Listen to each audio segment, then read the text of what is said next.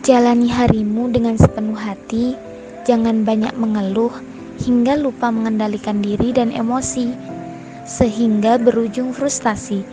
Semoga Allah senantiasa memberkahi dan meridoi. Jalani dulu saja semua yang sudah ada, jangan sampai menunda ataupun mengabaikannya. Untuk perihal bagaimana proses perjalanannya, susah ataupun mudah lurus ataupun berliku, mampu ataupun tidak, katakan di pada dirimu kamu mampu melewatinya.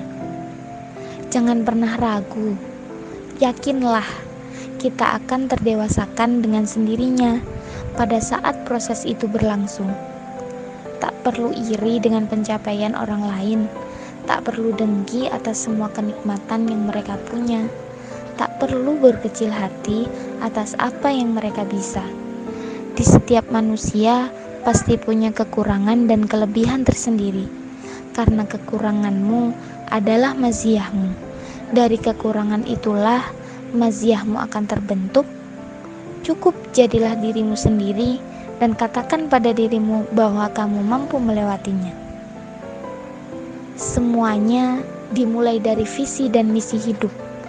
Terlepas bagaimana caranya, pada saat nanti kita faham mengapa harus kita, why kita, maka akan lebih mudah untuk cari tahu jalannya.